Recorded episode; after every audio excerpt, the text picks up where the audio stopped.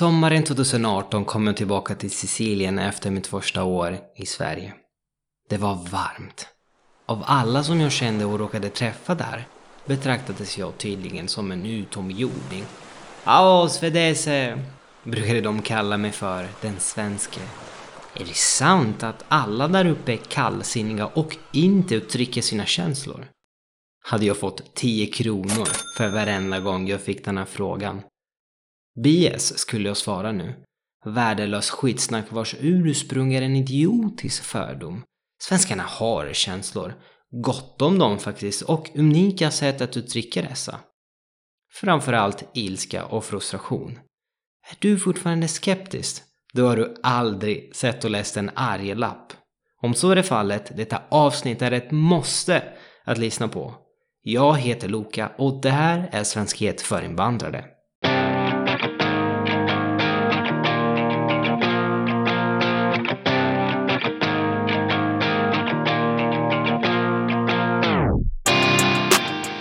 Sätta dig inte de triviala papperslapparna i de asiatiska legokakorna. Här snackar vi modern poesi. Testamente av den svenska kulturen som vi som lever i nutiden fortfarande får uppleva. Så vackert! Men nu får du njuta av resten av introt så att jag slipper att blabbla i nödan.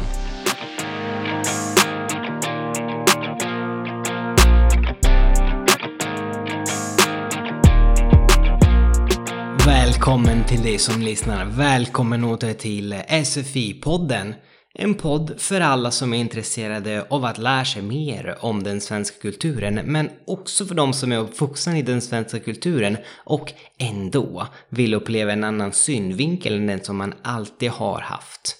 Man har ingen makt när det gäller att välja vilken kultur man kommer ifrån, men vi kan alltid välja att förvärva ett nytt perspektiv och förstå att den som använder någon annans tvättid inte är en otrevlig person.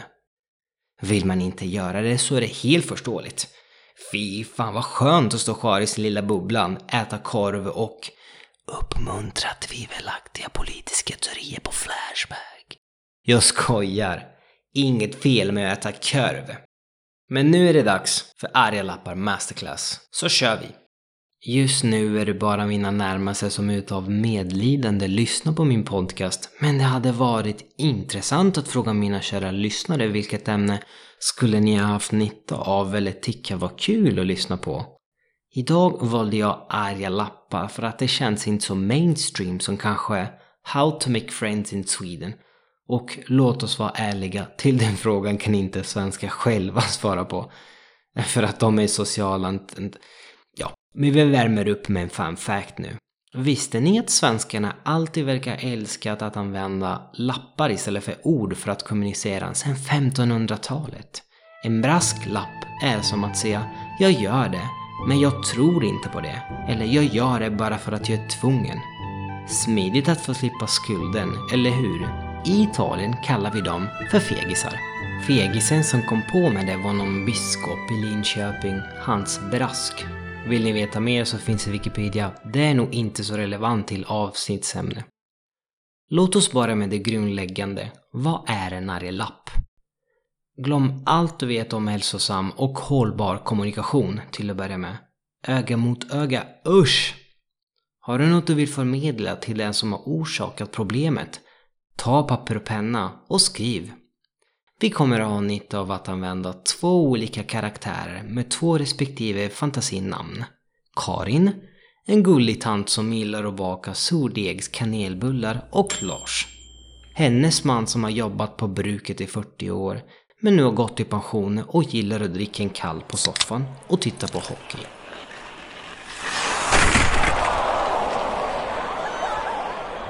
Låt oss säga att grannen som bor ovanför Karin och Lars, eller dig, försökte få ihop tebokhyllor på en fredagkväll och fortsatte ihärdigt fram till klockan två, vilket förhindrade Karin och Lars att följa deras somnrutin ordentligt.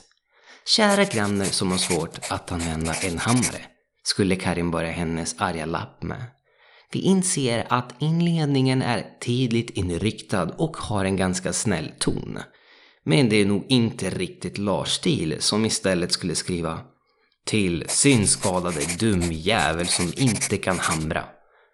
Trots att mannen och hustrun använder två olika stilar kan vi identifiera vissa likheter såsom att det inte står något namn trots att bägge vet vem arga lappan är riktat mot och rättvist mängd av sarkasm. Sen fortsätter Karin. Att montera tebokhyllor från IKEA kräver nog inte så många hammarslag som har tagits igår. Denna delen heter problemställning. Vi är inte helt säkra att grannen är medveten om problemet. Då väljer vi ändå hellre fria än fälla och trots brist på sån vi vill visa omtänksamhet. Vi har extremt lätt att få migrän vid ljud över än 65 decibel och vi tycker att eran verksamhet verkar mer lämpligt i ett garage eller på ett industriområde. Är man klar med problemställning då avslutar Karin med ett praktiskt förslag för att upprätthålla freden i bostadsrätten. Men så tänker inte Lars. Som tyvärr den fredagskvällen inte fick se premiärmatchen på Hockeyallsvenskan utan att bli störd av alla hammarslag. Jag är så förbannad. Detta är inte ett industriområde. Nästa gång jag hör den här jävla hammaren ringer jag till polisen. Jag är inte ett fan av fylla ord, men när det gäller hockey, kom igen, vem är jag att döma? Plus, låt oss inte glömma att Lars har jobbat på bruket i 40 år. Han vet hur viktigt det är att kommunicera saker på rätt sätt och snabbt. Arga lappen han skrev är kortfattad, rakt på sak och till skillnad från Karins finns ett inget utrymme för feltolkningar. Frivilligt så kan man alltid avrunda arga lappen med hälsningar och underskrift. Men happ, happ, happ. Använd aldrig ditt namn. Poängen med hela arga lapp-grejen är att du inte förväntar dig att problemet ska lösas genom att du tar upp det och ber om hjälp. Va? Trodde du att det var så? Stackare. Så naiv får man inte vara. Nej, nej, nej.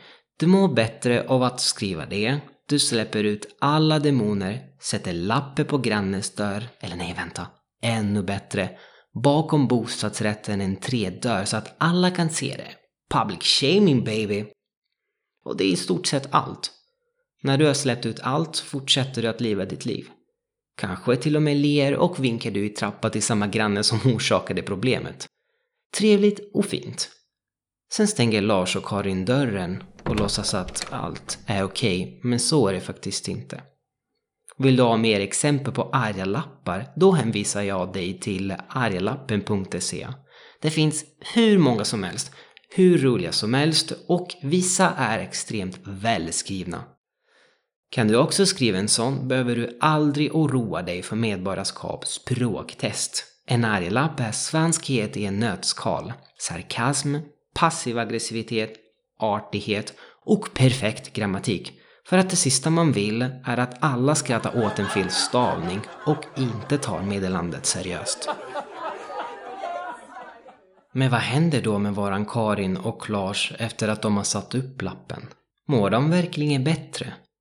Karin, Lars och tusentals andra i deras generation är konflikträdda. En konflikträdd vuxen är ett barn som har växt upp i en familj med bristfällig kommunikation. Okej, okay. jag nådde verkligen botten med detta påstående. Nu får vi upp stämningen igen, alright? Ser du en arg lapp i tvättstugan, hissen eller på din dörr och den är riktad mot dig eller någon du känner, bli inte arg eller dryg och acceptera att den som skrev lappen har lite svårt att kommunicera på annat sätt än det. Betala inte med samma mynt, men likt. Åtgärda felet så gott du kan och lämna en anonym lapp tillbaka, fast skriv inte som Lars. Var snäll. Det gör inte mycket för dig, men det kommer betyda värden för någon annan. Sammanfattning, var snäll. Ha respekt. Världen förtjänar bättre människor. Resten löser sig. Eller gör som man gör i Norrland och flytta bort från civilisationen. Eller i detta fallet skulle jag säga ocivilisationen. Plus att folk är snälla och artiga där. Tror ni att jag medvetet valde Stockholm sex år sedan? Skoja stockholmare. Ta inte illa upp. Jag trodde att ni hade vant er till dessa typer av skämt. Nähä, då kan ni alltid skriva en arg lapp till mig. Men snälla, inga bad reviews. Tack, tack, tack till dig som har lyssnat min rant i 10 minuter. Du gör verkligen min dag. Vill du kontakta mig så är du alltid välkommen att skriva till mig på Instagram vad du tycker och tror eller bara för att lämpa mig. Profilen heter Loka i Sverige. Ha det fint än så länge och var inte en Lars. Sov med öronproppar. Tja!